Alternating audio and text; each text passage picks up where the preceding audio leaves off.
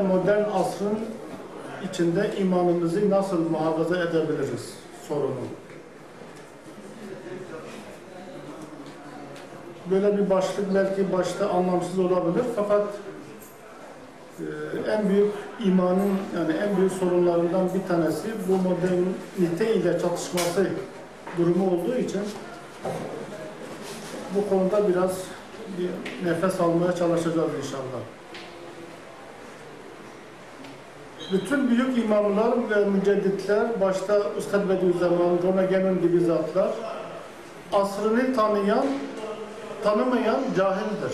Ne kadar bilgili olursa olsun, asrının konumunu bilen irfan sahibidir demişler. Yani asır içinde bulunduğumuz 100 yıl veya 10 yıl önemli değil. Yani asır yani çağını tanımak çok önemlidir zamanın nasıl bir kesitindeyiz, ne yapıyoruz, durumumuz nedir diye bilmek gerekir.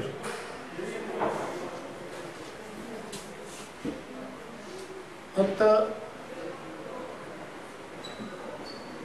Teftazani'nin kitabında geçiyor. Asrının imamını bilmeyen sahapsız bir koyun gibidir, cahiliyet üzere ölür demiş. İmanlı da olsa cahiliyet üzere ölebilir demiş. Yani bilinç sahibi değil çünkü. imanı öyle sıradan bir imandır. Her an kaybetmeye mahkumdur öyle imanlar. Fakat insan asrını tanıdığı zaman konumunu bilir, liderini bilir, kime uyacağını bilir, ne yapacağını bilir. Ee, bilinç sahibi, iman sahibi olarak vefat eder, kurtulur. İman kelime olarak insanın kendini güvene atmasıdır. Güven, güvene sokmasıdır. Güvenli hale sahip olmasıdır. Kelimenin kökü emindir. Emniyet hani güvenlik kelimesi oradan gelir. Ee, sosyolojik olarak da şehir modeli ile tasvir edilir. Mesela şehirde herkesin güvenliği yerinde ya polis var, ordu var, jandarma var, bakkal var, depolar var, gıda stokları var. Yani şehirde insanı korkutacak hiçbir durum olmamalı. Eski şehirler böyleymiş. Şehir kültürü emniyet ifade eder. Onun için insanlar hep şehirli olmayı üzenirlerdi eskiden. Yani şehirli daima köylüden üstün. Neden üstün? Bu açıdan dolayı üstün. Güvenlik yeri, her şey stoklu bir şekilde var. İstediği zaman istediği meseleye kavuşabilir, nesneye kavuşabilir. Şehir modeli Risale-i Nur'da da emniyet ve imanın modelidir. Kader Risalesi'nin üçüncü mebhasına bakabilirsiniz. Emniyet modeli olarak şehir modeli. Gerçi şimdiki şehirler çok korkutucu, gelir yetersiz, kim kime ne zaman vuracağı belli değil. Polis hırsızlığı kendisi yapar yapmaz endişesi var. Yani emniyeti sağlayacak kişiler kendisi hırsız olabiliyor bazen. Çünkü iman gerçek manada yok ondan dolayı emniyet yeri olan şehir dahi güvensizlik modeli olmuş.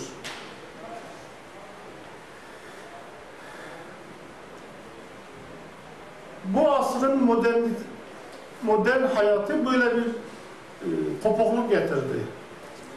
Yani insanlar birbirine karşı yabancılaştı. Hatta felsefede, sosyolojide yabancılaşma diye bir kavram var. İnsanımız kendine yabancı, ailesine yabancı, çevresine yabancı, doğaya yabancı. Yani bu modernizm, modern asır insanı çevresinden, ailesinden, arkadaşlarından koparmış, bireyselliği geliştireyim derken Avrupa bu sefer normal doku bozulmuş, sosyal doku bozulmuş, psikolojik doku bozulmuş. İnsanlar e, şeye benziyor, orman içinde her an tehlikelerle yüz yüze kalmış bir insanın tek başına kalmasına benziyor. Hepimiz tek başınayız. Ciddi bir arkadaşlık yok, ciddi bir güven yok, ciddi bir aile yapısı yok. Herkes her zaman endişe içinde.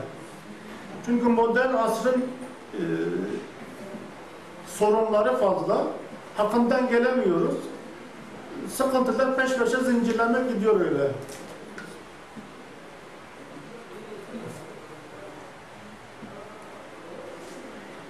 Yani Üstad Bediüzzaman Risale'de eski insanlar dört şeye muhtaç diyor. Ve bu dört şeyi rahat bir şekilde elde edebilirdi. Endişe edeceği konumlar, sorunlar kalmazdı. Ama bu asır çıtayı yükseltmiş. Ev lazım, teknoloji lazım, gelir lazım, ulaşım giderleri var. Bir sürü sorun çıkartmış. İnsan bu sorunlar hakkından gelemediği için şaşırıyor, ne yapacağını bilmiyor, kopuyor. Çevresinden, ailesinden, doğadan kopuş oluyor ve sorunlar başlamaya başlıyor.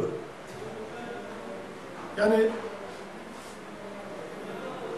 şöyle bir kanaat millette var. İşte modern asır her şey güvenli içindedir. Her şey yerli yerindedir. Her şey düzenlidir. Ama bakıyoruz ki tam tersi öyle değil. Modern asır daha çok sorun çıkartmış. İnsanı daha çok vahşileştirmiş. Risale'deki örneğiyle orman hayatında kendi başına sorunlarla mücadele eden bir insana benzetiyoruz. İman olmadığı zaman insan normal dokusunu kaybediyor çünkü.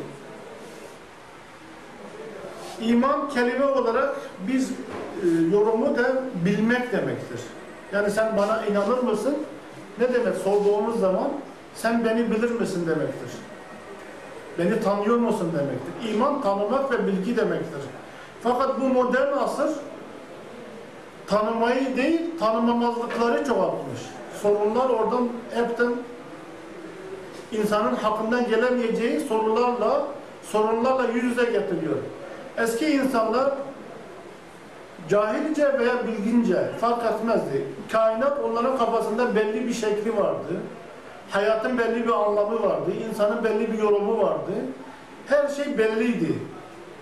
Yani gerçek bilimsel şekilde olmasa da her şey belliydi. Fakat bu modern asır sorunları, soruları çoğaltmış.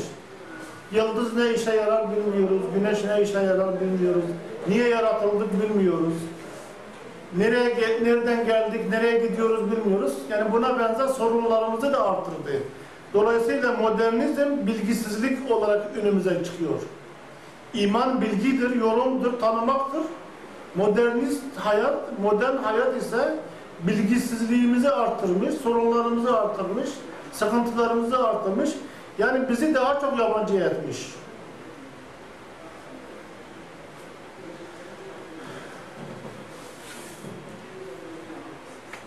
Hatta hayalimde şöyle bir misal geliyor.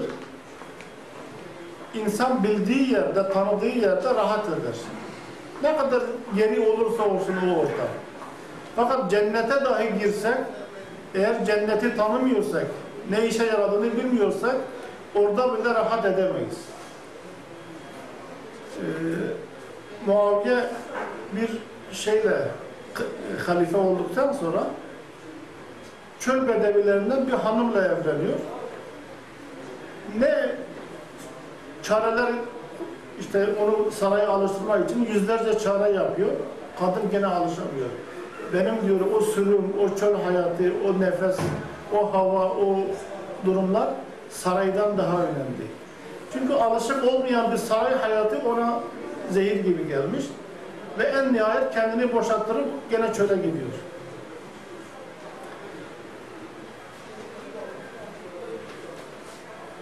Çünkü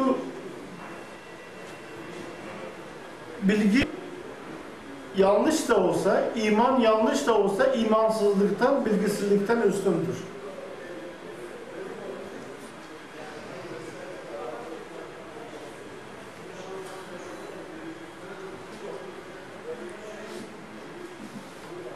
Yabancılaşma kötü dedik. Fakat yabancılaşma belli bir oranda lazım. Yani insan tabiattan bir parça olarak kalmamalı sürekli. Belli bir oranda özerkliğini, hürriyetini kazanmalı. Kainatta yönetici durumuna, halife durumuna gelmeli. Bu toplumda yüzde yirmi ve yüzde beş, yüzde on oranında bir toplum eğer kendini tabiattan, normal standart şartlardan koparmamışsa, yükselememişse o toplum sürekli bedevi ve vahşi kalır. Modernleşmişlerin esiri olur, kölesi olur. İşte Afrika bunun en tipik örneği. Afrika'da insanlar doğal yapıdan kopmamış, vahşi yapıdan kopmamış ama 500 senedir Avrupa'nın köleliğini yaptı. Yapmak zorunda kaldı. Onun için bir toplumda sosyal doku da muhafaza edilmeli. Avami bilgi dahi olsa o halkın bildiği şartlar, standartlar devam etmeli, muhafaza edilmeli. Fakat toplumun yüzde beşi onu mutlaka kendini tabiattan koparıp onlara lider olmalı, onları yönlendirmeli, işin farkına varıp bilinçli bir şekilde toplumunu yönetmeli. Felsefede yabancılaşma bu manada teşvik edilir. Çünkü sonsuza dek biz bir tabiatın bir çiçeği, bir bitki gibi yaşayamayız. Mutlaka bilinç ve ruhi yapımız, e, dini sorumluluğumuz bizim lider olmamızı gerektirir. Halife-i zemin olmamızı gerektirir. Bir müddet sonra o tabii dokuyu fazla rencide etmeden, bozmadan özelliğimizi, yabancılaşmamızı gerçekleştirmemiz lazım. Şimdi yabancılaşma deyince işte ana babaya karşı gelmek, evden kaçmak, dinden kaçmak, bu asırda yabancılaşma insan için normal bir statüyken, bir vazifeyken o bile yanlış anlaşılıyor modern asırda. Yabancılaşsın diyor çocuk, evden kaçıyor, ana babasına karşı geliyor, dini görevlerini bırakıyor, doğaya karşı tahrip kararına davranıyor. Ve buna benzer bir sürü dezavantajlar bu kavramı bile modernizm bozmuş. Yabancılaşmayı dahi bozmuş.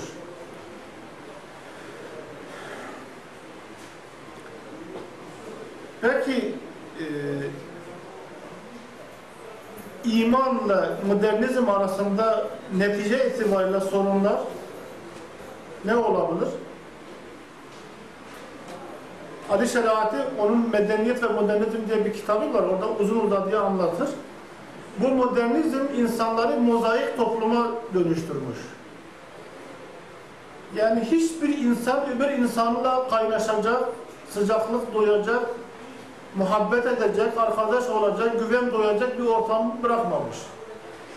Mozaik kültürü şudur. Mesela burada bir trilyon mozaik parçası varsa her bir parça ayrı bir mozaiktir. Hiçbir tanesinin eşi yoktur. Bugünkü sistem, bu modernizm hayat tarzı insanları o hale sokmuş. Yani belli bir kalıptan, belli bir inançtan çıkmış insanlar değil de rastgele üretim. Bu hepsi bozuk oluyor dolayısıyla. Rastgele üretim olduğu zaman hepsi fine oluyor, hepsi bozuk oluyor. Bütün insanlar sorumlu, onun için sorumludur. Üzüntülüdür, sıkışıktır, rahat değildir. Ne kadar zengin olursa, ne kadar bilgili olursa bu modern tarzda yaşayan insan sürekli mozaik kültüre mahkumdur. Yani hiçbir eşini, arkadaşını sıcaklık duyacağı bir kimse bulamaz. Modern insan tipinde. Sürekli bencil, egoist ve kendi başına çevreyi, arkadaşlarını satabilen, tahrip edebilen, onları terk edebilen bir ruh yapısı taşır. Çünkü ikinci bir tıp modeli yoktur. Arkadaşı olamaz mozaik kültürde. İman ise insanları belli bir kalıba sokar. Yani hepimiz aynı Allah'a inanırız. Hepimiz aynı kainatın içinde bir görevliyiz. Hepimiz aynı peygambere inanıyoruz. Aynı kitaba inanıyoruz. Aynı mezhebi paylaşıyoruz. Aynı dili konuşuyoruz. Aynı memleketi paylaşıyoruz. Ve buna benzer binlerce rabıta ile binlerce sosyal doku ile insanları düzene sokar. O düzen onlara bir rahatlık getirir. Ve rahat, bu asırda insanlara rahat etmemesi bu mozaik kültürden dolayıdır. Hiç kimse güven duyacağı, sıcaklık duyacağı, muhabbet edebileceği bir arkadaş bulamıyor. Herkes bireysel, vahşileşmiş.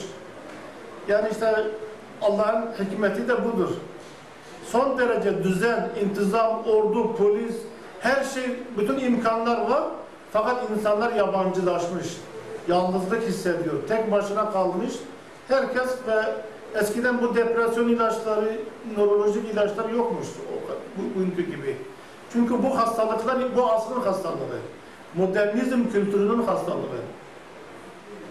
Ve gidiş eğer imana dönmezse, Yani biz toplumu gene eskisi gibi tek Allah'a inanan, tek dine inanan, tek mezhebe bağlı, tek okulu paylaşan, tek eğitim alan bir şekilde bir kalıba sokmazsak, bir düzene sokmazsak, onlara düzenli bir bilgi vermezsek, kainatı yorumlayacak şekilde bir bilgi vermezsek, insanlarımız ne kadar ilaç alırsa alsın, her gün bir doktora dahi gitse sorunlar bitmeyecek. Çünkü yabancılaşma var, mozaik kültürü hakim, herkes kendi başına, kendi sorunlarıyla boğuşmaya mahkum, böyle çaresiz bir toplum doğuyor.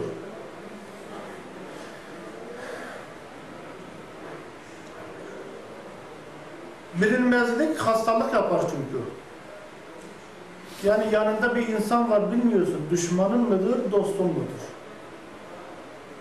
Sürekli tedirginlik, sürekli çaresizlik ve çatışma yaşarsın. Ama bilsen ki düşmanındır, onun düşman olarak algılayacaksın, rahat edeceksin. Benim işte Ali isminde bir düşmanım vardır. Ben düşmanıma karşı şu şu şu şu çarelere başvurmalıyım. Şunu temin etmeliyim, şu işi yapmalıyım, rahat edersin. Yani her düşmanı olan sıkıntıda değildir insan. Bilinmezlikler sıkıntı yapar. Mesela bir baba diye bir film seyretmiştim, Amerikalılar çevirmiş. Adamın düşmanı olması onun için bir şeref. Sürekli düşmanlarını temizliyor. Hep kendisi başarılı oluyor. Yani ne yapacağı belli. Fakat dostu da olsa onun dostumdur, yardım edersin, yardım alırsın, muhabbet duyarsın, sohbet edersin. Ne yapacağın belli. Şimdiki insan bilmiyor yanındaki insan dostu mudur, düşmanı mıdır. Aynı apartman içinde hiçbir aile öbür aileyi tanımıyor. Herkes birbirine düşman nazarıyla bakıyor. Ya dost mudur, düşman mıdır?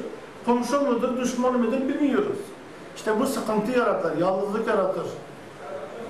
Bilinmezlik hastalığa, hastalığı doğurur. İman, güven dedik. Bu güven e, Risale-i Nur'da ve Kur'an'da dört ayetten sıkça zikredilen bir ayeti bize çalıştırıyor. Korku ve üzüntü. İnsanda en temel iki kayıp bu iki alanda olur. Yani birilerinden ya korkuyorsun veya bir şeyler senin elinden gidiyor, üzülüyorsun. Mesela çok sevdiğin bir insan vefat eder veya çok sevdiğin bir insan sana yüz vermez, seni tersler. Bunlar hep kayıptır. Çok istediğin bilgiler var, çok istediğin güzel kitapların var, çok sevdiğin paraların var, trilyonların var. Onlar sürekli insanın elinden kay kaçıp kayboluyorlar. Her kayıp bir yara yapar. Her yara da bir üzüntü gerektirir. İşte üzüntü duygusunun çözümü, tahlili budur. Yani insan üzülürken aslında burada doktor abimiz var daha iyi bilir. Bir şeyler kaybettiğimiz için üzülüyoruz sürekli. Yani üzüntü daima Türkçesi şudur. Bir şeyler senden kaybolmuşsa onun için üzülmüşsün. Ya annen ölmüş, ya baban ölmüş, ya kardeşin ölmüş, ya paran kaybolmuş, ya sağlığın gitmiş. Üzüntü demek kayıp ifadesi demek. Bir de korku duygusu var. En tahripkar iki duygu. Kur'an'da bunlar çok işleniyor. Korku ve üzüntü. Ayetin meali şöyledir. Allah'ın velilerine ne korku gelir ne üzüntü gelir. Korku gelecekten olur. Yani gelecek belirsiz ya. Acaba kaç sene yaşarız? Acaba kanser olur muyuz? Acaba birisi bizi öldürür mü? Birisi esir eder mi bizi? Köle yapar mı? Acaba zenginken fakir olur muyuz diye binlerce böyle ihtimal, binlerce alternatif düşünce seni korkutur. Gelecekten korku gelir. Üzüntü ise geçmişten. Ya işte ne güzel bir gençliğim vardı, ne kadar param vardı, ne kadar iyi arkadaşlarım vardı. Hepsi seni bırakıp gittiler. Üzüntü. İman öyle bir çaredir ki korku ve üzüntüleri kökünden çözer. Çünkü sonsuz bir Allah'a bağlanırsın. Bütün kayıpların senin lehine dönüşmüş. Trilyonlarca paran gitti, sağlığın gitti, arkadaşın gitti, kardeşin gitti, annen gitti, baban gitti. Hepsi varlığa dönüşmüş. Hepsi nimete dönüşmüş, hepsi çarelere dönüşmüş. O kayıplar birer çare olarak önüne nimet olarak geliyor. Gelecek korkusundan da Allah'ın bir düzeni var, kaderi var, planı var, programı var. Benim endişe etmeme hiç gerek yok dersin. Korku ve üzüntü sorununu çözersin. Başka bir tabirle Allah'a yaklaşmış olursun. Yani sonsuzluğu burada yakalarsın. Allah'a yaklaşmış olursun. Bu iki nokta, iki yarayı çözemedikten sonra Risale-i Nur'da iki yara diye bir kavram var. Yedinci sözde ve muhtelif risalelerde bahsedilir. Bir tanesi fakırdır, bir tanesi acizdir. O fakir ve aciz de bu korku ve üzüntünün ustaça başka bir şekilde ifade edilişidir. Fakir demek sen fakirsin, bir sürü kaybın var demektir. Yani fakirsin, malın vardı senden gitti, kainatın vardı senden gitti, dünyan vardı senden kayboldu gitti. Bak fakirsin. Kardeşin öldü, anan öldü, baban öldü, herkes öldü. Bak fakir. Risale'nin en temel kavramlarından bir tanesi. Fakir üzüntü getirir, kayıp üzüntü getirir. Bir de acizsin, yani korkuların var. Mikrop var, yılan var, gelecek var, düşmanlar var, yokluk var. Bin bir tane bela var. Onlara karşı da acizsin. Yani korkuyorsun. Aciz insan korkak olur. İman, acize ve fakra en büyük çaredir. Risale-i Nur'da bu aciz ve fakr kavramı olarak geçiyor. Kur'an'da ise korku ve üzüntü olarak geçiyor. Psi- Psikiyatride de işte kayıp kayıp korkusu ve endişe. Yani aynı kavramlara gelir bu. Endişe ve kayıp kaybetme korku, üzüntüsü. İman sonsuzluk gerektirir. Çünkü bir köylüye sorduğun zaman işte böyle nereye gidersin sonra boşluğa düşersin. Zihni o kadar rahat ki köylülerin ben içinde yaşadığım için biliyorum. Güneş doğar belli, keçiler doğar belli, geliri belli, gideri belli, sıkıntıları belli, hasta olsa alacağı ilaç belli, ona yardım edecek kişiler belli. Böyle doğal bir doku var köyde. Zihin de çok gelişmiyor köylü insanlarda. Hiçbir zaman köylü insanlarda kayıp duygusu ve endişe duygusu şehirliler kadar ajite olmaz, tahrik olmaz.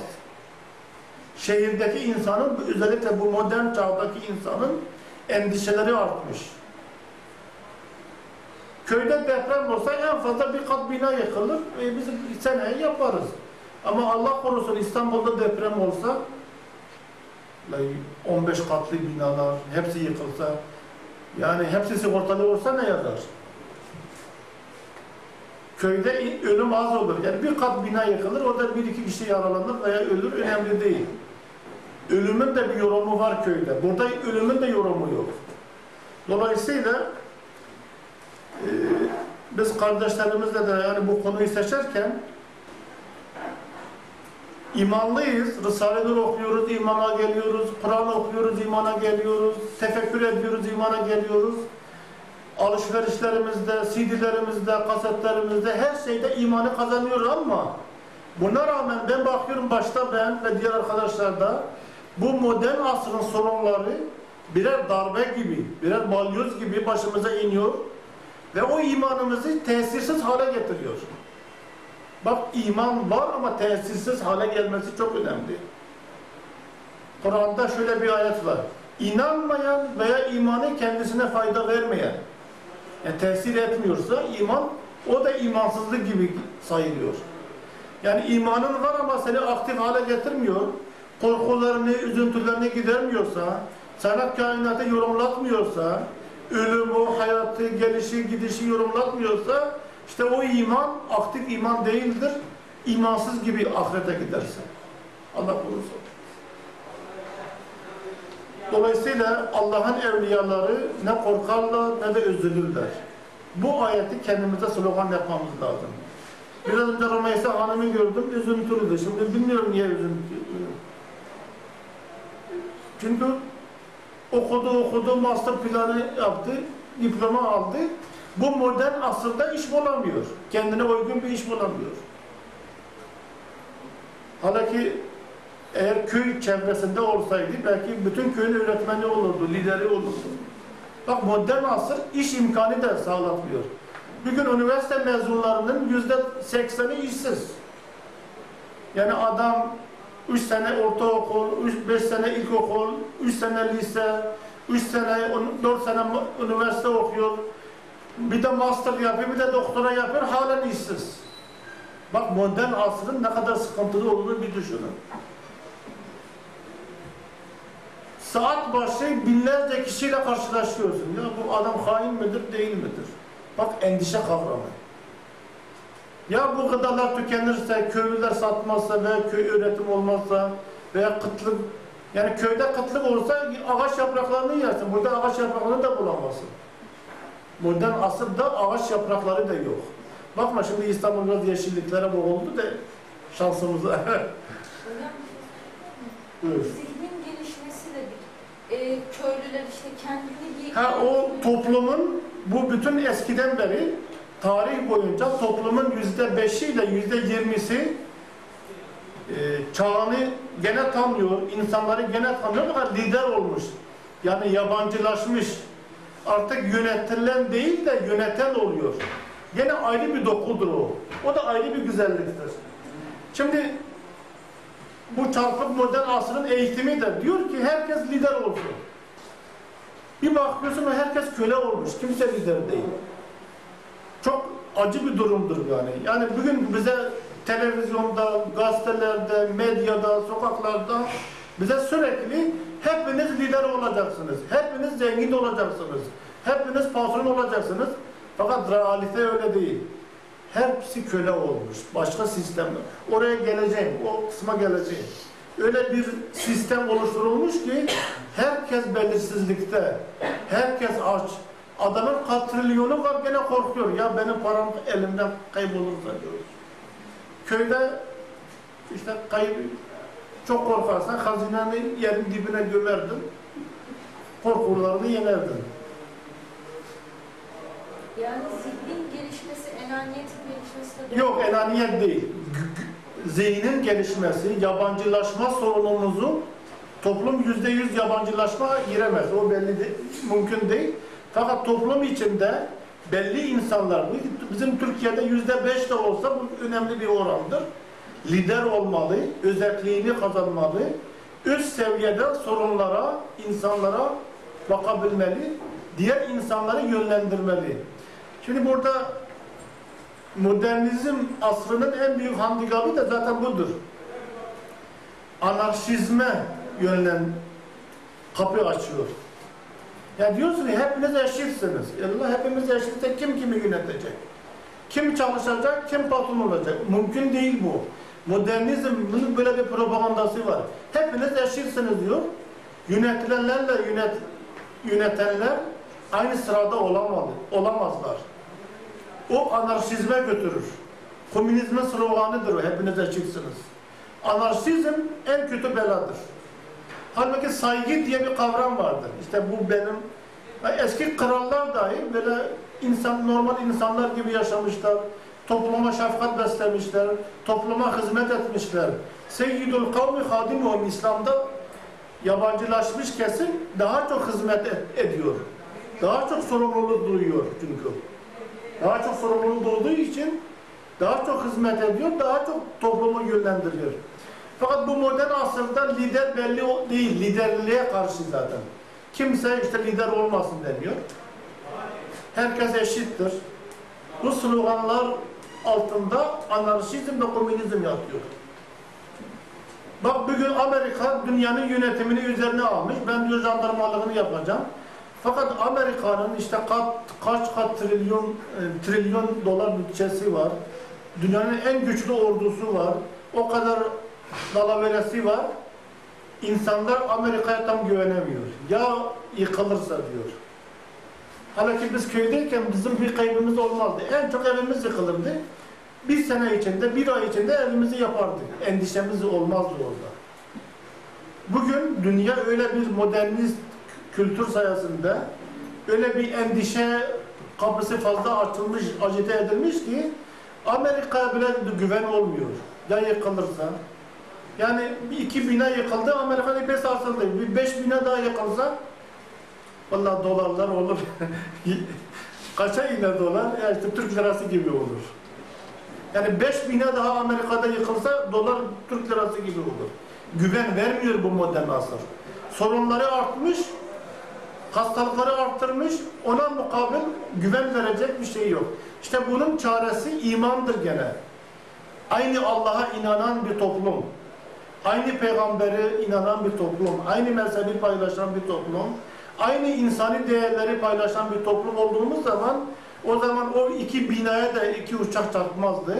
Ve Amerika'nın şimdiki gücünün onda biri dahi gücü olsaydı daha çok dünyaya güven sağlayabilirdi, güven verebilirdi.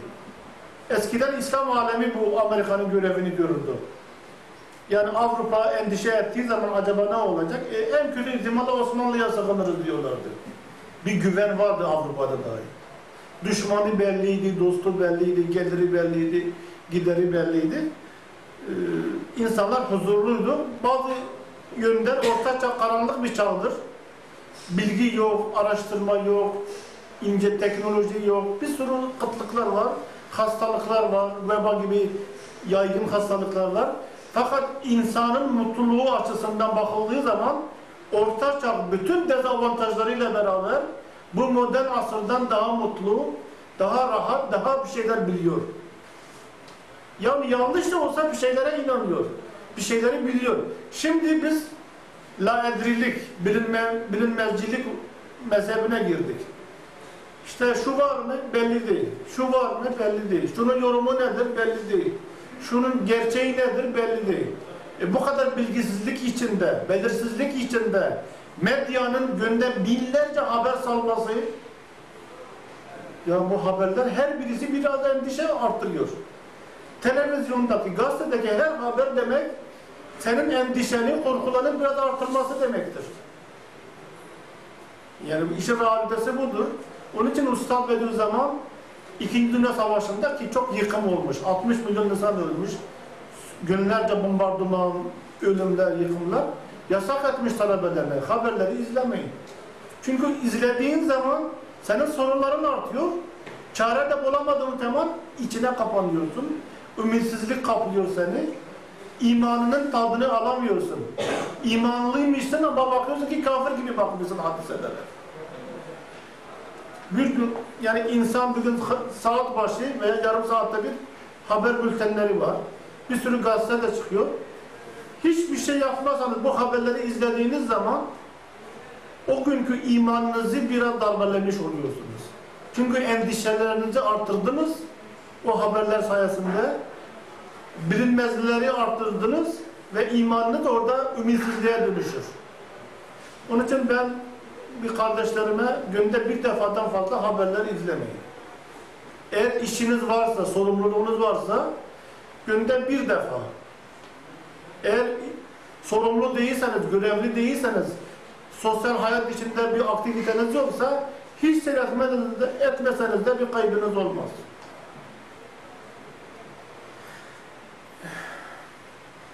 İman nedir dedik? Güven demektir, bilgi demektir, bilinmezlere çare demektir.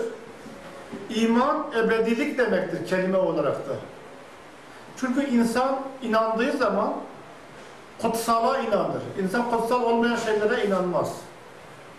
Bak eskiden devlet kutsaldı, padişah kutsaldı, çalışma kutsaldı, hammalda olsan hammallık kutsaldı, fırıncı olsan fırıncılık kutsaldı. Her şey kutsaldı eskiden. Şimdi bu modernizm kutsallık kavramını elimizden almış. Her şey laiklik sayesinde, sekülerizm sayesinde kutsallığını yitirdi. Ne evlat kutsaldır, ne evlada bakmak kutsaldır, ne baba kutsaldır, ne din kutsaldır. Din e, sosyolojik bir vaka. Devlet bazı galiplerin bizi ezmesi. Bak modern asrın kültürü budur. Devlet bazı zalimlerin işte bir kısım insanları ezmesi olarak algılanıyor modernizm aslında. Devletin kutsallığı gitti. Çalışıyorsun, e, açlıktan kurtulmak için çalışıyorum. Kuts, yani mesleğine kutsallık veremiyorsun. Halbuki mesleğine kutsallık versen, kimyacı da olsan, fizikçi de olsan, öğretmen de olsan, severek çalışırsın. Gerçekten insan severek çalışamıyor bu modern asırda. Hiç kimse severek çalışmıyor. Ancak bazı duygular acite olursa işte mal hırsı, şehvet hırsı, bir yerlere gidebilmek için gayrı, böyle anlamsız gayretler sayesinde insanlar çalışıyor. Kutsallık namına Allah'ın bir emridir diye hiç kimse çalışmıyor. Herkes başka bir meslekte, başka bir işte kısadan kestirmeden nasıl köşeyi döneriz hesabında. Yani bugün toplumumuzun çoğunda bu duygu var. Ben mesleğimi, mesleğim kutsaldır, ben bu kadar eğitimini görmüşüm, bu kadar zaman ayırmışım, işime gücüme bakayım, topluma faydalı olayım ilkesi yok. Kestirmeden nasıl köşe dönerim? Çünkü diğerleri de hep köşe dönmüşler. E, köşe dönenlerin toplumunda birileri bunu yapamaz yani. Mesleğim kutsaldır, ben mesleğimi icra edeyim diyemiyor. Bıkkınlık gelir. Ben anlamsız boşuna niye çalışayım der insan. İman ebediliktir dedik. Fakat bu modern asır geçicilik. Her şey geçici. Yani mesela ben cennete inanırım, ahirete inanırım. Hocayım, burada da orada kabirde de hocalık yaparım, cennete de hocalık yaparım. Ve bütün bilgilerin bütün insanlara yönelik bir yay, yayılma alanı bulur. Bir sonsuzluk kavramı elde edersin. Sonsuz bir Allah'a inanırsın. Sonsuz bir hayata inanırsın. Fakat modern asır hiçbir şey ebedilik kavramı kabul etmiyor. Her şey geçicidir. Her şey ölümlüdür. Her şey elinden kaçmaya mahkumdur. Ee, büyük bir yara insana sürekli kalbine bir yara işliyor.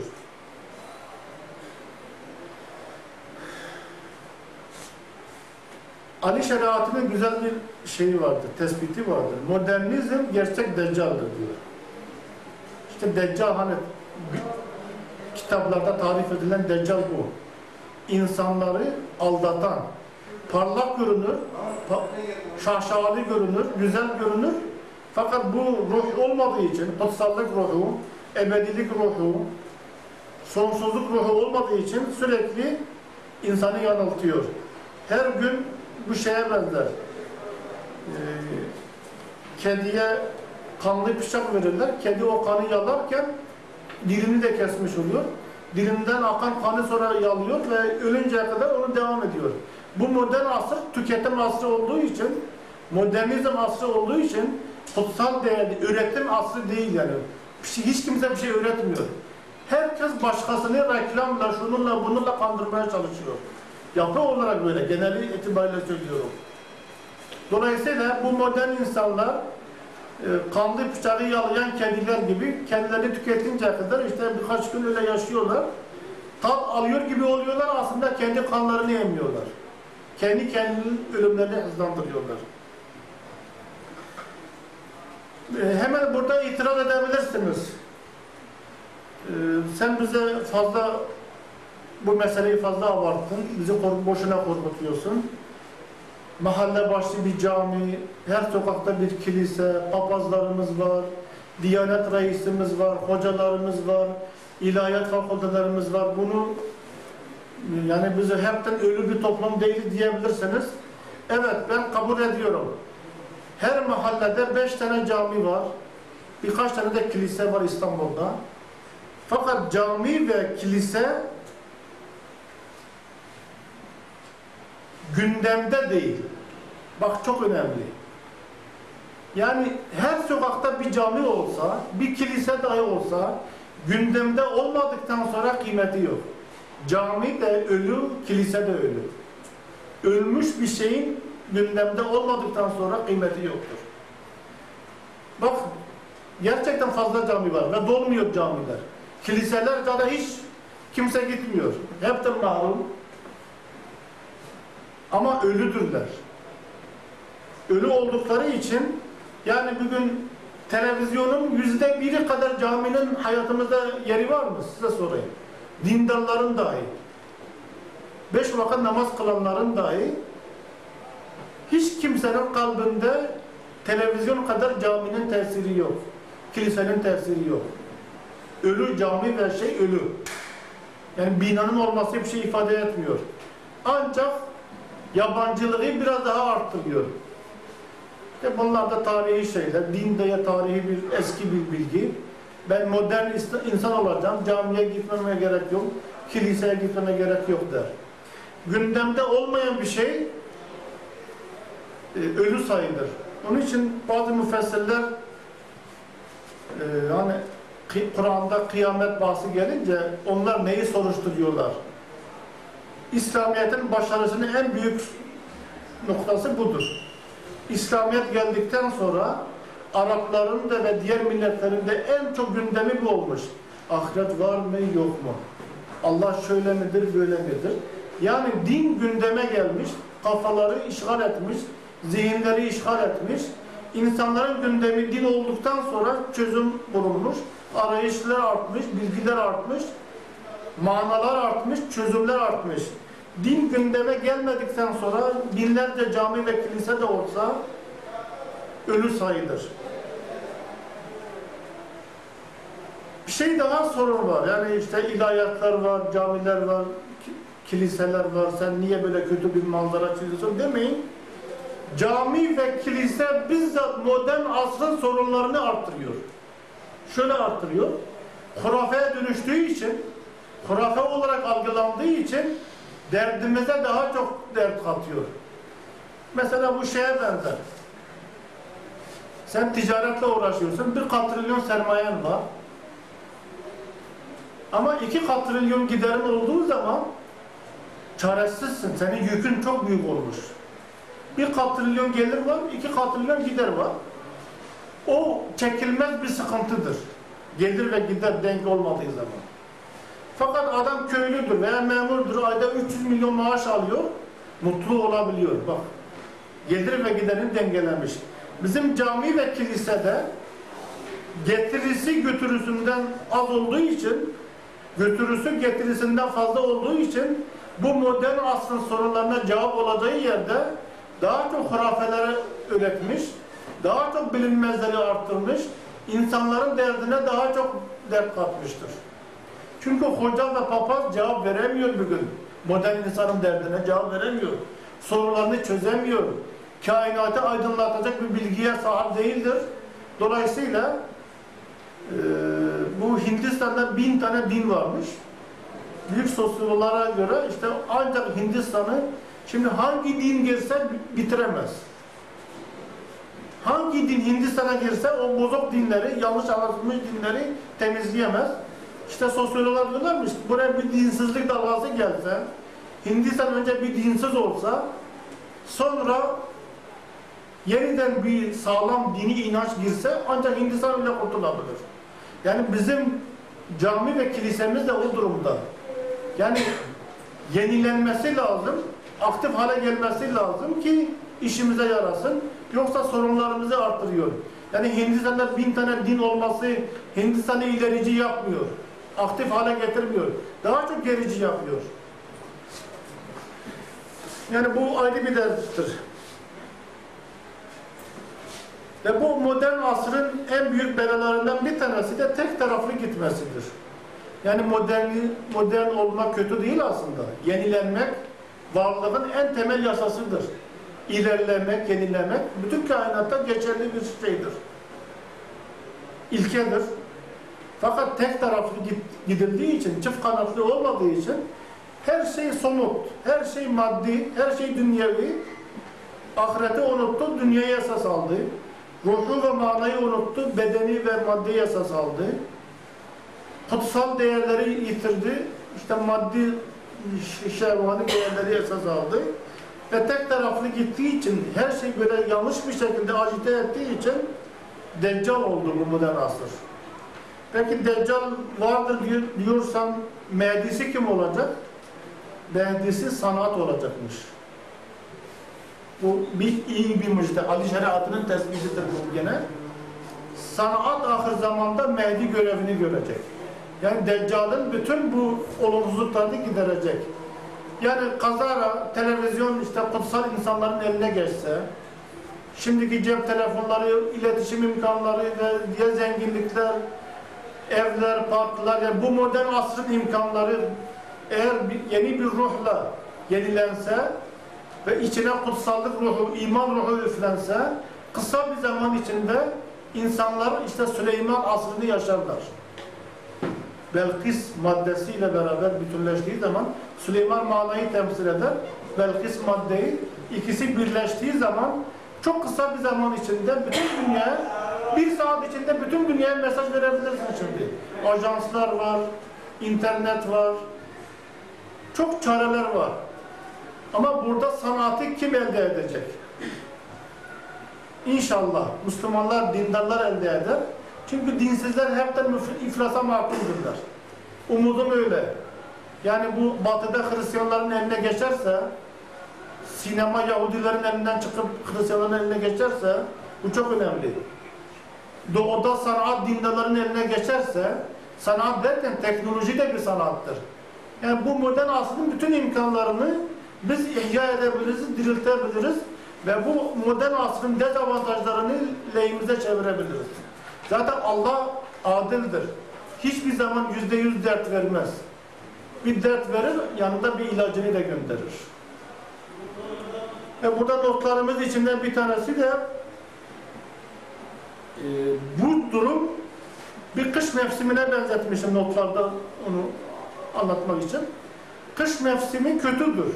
Soğuktur, donucudur, öldürücüdür. Üretim yok, açlık var, fakirlik var, bir sürü sorun çıkıyor. Fakat kış mevsimi Allah'a rağmen değildir. Allah bu kış mevsimini de yarattı, gönderdi. Bakalım dindarlar yeni bir İsa gelir mi, yeni bir Mehdi gelir mi, yeni bir yapılanmayı öngörmek için Allah bu modern asrı bu deccalana duruma getirdi. Onun için ümitsiz olmayın. Allah'ın izniyle eğer kıyamet kopmazsa, insanlık hepten ölmezse dirilecek. O kesin dirilecek. Allah'a rağmen değildir. Allah bir kış mevsimini yaratmış. Kar da güzel, kış da güzel. Yani sonsuzluk çerçevesi içinde bakarsanız bu modern asrın kötülükleri dahi manaya hizmet edecek hale gelecek inşallah. En az imanın, kutsalın değeri daha çok anlaşılacak. Daha çok lezzet verecektir. Fakat kış mevsiminde kuvvetli giyinmek lazım. Bu çok önemlidir. Giyinmek gayb aleminde dini iyi yaşamak demektir. Yani biz az bir grup insan dini iyi yaşadığımız zaman sıcak giyindiğimiz zaman bu fitneyi atlatacağız ve gelecek nesiller için bir de çekirdek olabiliriz. Yani iş çok kolaydır. Bugün internet vasıtasıyla bir saat içinde bütün dünyaya ulaşabildiğin kadar kolaydır. Ama mesajımız olursa, işte Mehdi'miz olursa, İsa'mız olursa bunu lehimize çevirebiliriz. Modern asrın en büyük belalarından bir tanesi, bak burada ince bir sır anlatacağım. Bütün dayanak enerji. Bugün enerji en çok para eden enerji. Risale-i Nur'da 12. sözde 5. nota 17. lemada ve birkaç yerde bu karşılaştırma yapılır. Modern felsefe, modern çağ kuvveti esas alır. Ya kuvvet Osmanlıca'da enerji demek Türkçe'de. Din hakkı esas alır. Şimdi diyebiliriz ki ya hak soyuttur, şudur budur. Hayır. Hak da somuttur. Onun fiziki izahı şudur Enver abi. Enerji biçimsizdir, kabadır. Biç sırf bir etkidir. Kalıbı yok, şekli yok, manası yok, yorumu yok. Yani bugünkü modern asrın bütün kuvvetleri böyledir. Kabadır, anlamsızdır, şekilsizdir, biçimsizdir. Bakma şehirlerin sokağı, sokakları, caddeleri düzenli gibi de olsa zihinleri karışıktır, biçimsizdir. İslam haktır. Hak nedir? Sibernetik teknolojiyle izah edersek, hak belli şeylerin dengesi demektir. Belli şeyler dengeye geldiği zaman o şey var oluyor, somutlaşıyor. Yani kazara biz bilgisizlikle yani e, ne, ne diyorlar ona? Septik düşünce demeyeyim de yani bi- e, sorularla cevapları birleştirdiğimiz zaman bilinmezlerimizle bil- bilinenleri çatıştırdığımız zaman bir araya getirdiğimiz zaman hak diye bir varlık ortaya çıkacak dengeden dolayı. İşte biz hakka dayanırız. Yani kim haklıysa o üstündür. Hak kimin elindeyse, denge kimin elindeyse o üstündür deriz. Enerji, para kimdeyse o üstündür demeyiz. Kontrol. Yok, sibernetik şimdi bir e, felsefi bir konuya gireriz de kainatta bir şeyin var olabilmesi için, dengeli olabilmesi için. Salt enerji de varlık sayılmaz. Şekilsiz, biçimsiz, hak olmamış, kalıba dökülmemiş, dengelenmemiş enerji hiçbir hayrı yok. Mesela ısının belli bir miktarda gelmesi bize faydalıdır. Isı çok yükseldiği zaman faydasız olur, yakar. Çok azaldığı zaman gene yakar. Bak dengeyi kaybetti. Isının belli bir dengede olması bize faydalıdır, haktır. Hak, değişik zıtların dengelenmesinden doğan varlık demek. Ben hakkı öyle tarif ediyorum. Hak, belli zıtların dengelenmesinden doğan varlık demektir. Dolayısıyla İslam hakka dayanır, modern asır felsefe, moder, şey, enerjiye dayanır, kuvvete dayanır. Şey desek mesela, kuvvet yani e, belli olmadığı için belirsiz bir şey. Hak ise kuvvetin nerede kullanacağını bilmiyor. Şekli belli, kalıbı belli ve dengesi belli. Bunu şöyle izah edelim. Türkiye bugünkü bütçesinin 50 katı daha fazla bir bütçeye sahip. Fakat bu bütçeyi savuruyor, israf ediyor, dağını kullanıyor, yersiz kullanıyorsa bak 50 kat trilyon dolar diyelim servet var, 5 kat trilyon dolar servet var. Ama dengesiz, yerli yerinde kullanılmadığı için hak olmuyor kontrolsüz güç güç değildir. O, o reklam Müslümanlara yarar. Kainatta sonsuz bir enerji var. Fakat bu sonsuz enerji sürekli şekil alıp her şekil bir haktır. Onun için enel hak demiş adam. O manada enel hak demiş. Her nesne bir haktır. Her görev bir haktır. Her sorumluluk bir haktır. Ve Allah bu hak noktasında hakkı esas alın diyor. Kuvveti esas almayın. Şimdi materyalist insan manaya, ruha, ilme, bir, bilinen gerçeklere dayanmadığı için ne kadar zengin olsak o kadar iyidir de. İnsan ne kadar zenginse o kadar değerli olur. Hatta benim Rotarya'da Müslüman olmuş bir abim var. Çok değerli bir insan. Onlara başkanlık da yapmıştı. Ee, orada en büyük slogan buymuş. Param kadar konuş. Evet, param kadar konuş. Yani bu ehli dünyada, bu zenginler dünyasında en çok slogan budur. Herkesin değeri parası kadar. Ya değerli olsaydı bahatinde zengin olurdu diyor benim akrabalarım. Onlar da dindar olduğu halde ve bu asrın en büyük tehlikesinden bir tanesi de budur. Benim akrabalar hepsi dindar, hepsi kitapçı, hepsi yazar çizerle içli dışlıdırlar. Fakat bu asrın hastalığını kaptıkları için işte kimin parası, cirosu ne kadar yüksekse onun değeri o kadardır. Dolayısıyla sohbetlerde benim konuşma hakkım pek olmuyor. Ama inşallah biz enerjiyi, parayı, zenginliği değil de hakkı, manayı, dengeyi esas alacağız. Bak sorabilirsiniz, bahatinin dengesi ne kadar yerindedir? Bu önemli. Dengemi kaybedersem bilgim de işe yaramaz. Param da olsa işe yaramaz. Onun için İslam dengedir, haktır. Ve ilke olarak biz kim kuvvetliyse, kim zenginse değil de kim üstünse, haklıysa esas alacağız. Bu Risale'nin de ve Kur'an'ın da gerçek bir ilkesidir, temel bir prensibidir. Evet, bu asır kış mevsimidir. Allah'a rağmen değildir. Nasıl kış Allah'ın yarattığı bir realitedir. Bu asrın bu kış mevsimi olması da Allah'ın iradesiyledir, planlıdır, projelidir. Bilinmezlikler bizim için değil. Bak biz gene imanımız sayesinde asır kış mevsimidir. Kışa göre dayanmamız lazım. Ne yapacağız? Küçük küçük evler tutacağız. Soğuktan korunmak için. Her evi bir okul yapacağız. Her aileyi bir okul yapacağız. Bir çare budur. Bir de dini iyi yaşamak. Yani kuvvetli giyinmek. Kış mevsimini iki şeyi atlatabiliriz. Kuvvetli giyinirsen, yani dinini iyi yaşarsan ve küçük küçük evler, adacıklar, odacıklar yapabilirsek bu kışın tehlikesini Allah'ın izniyle atlatabileceğiz.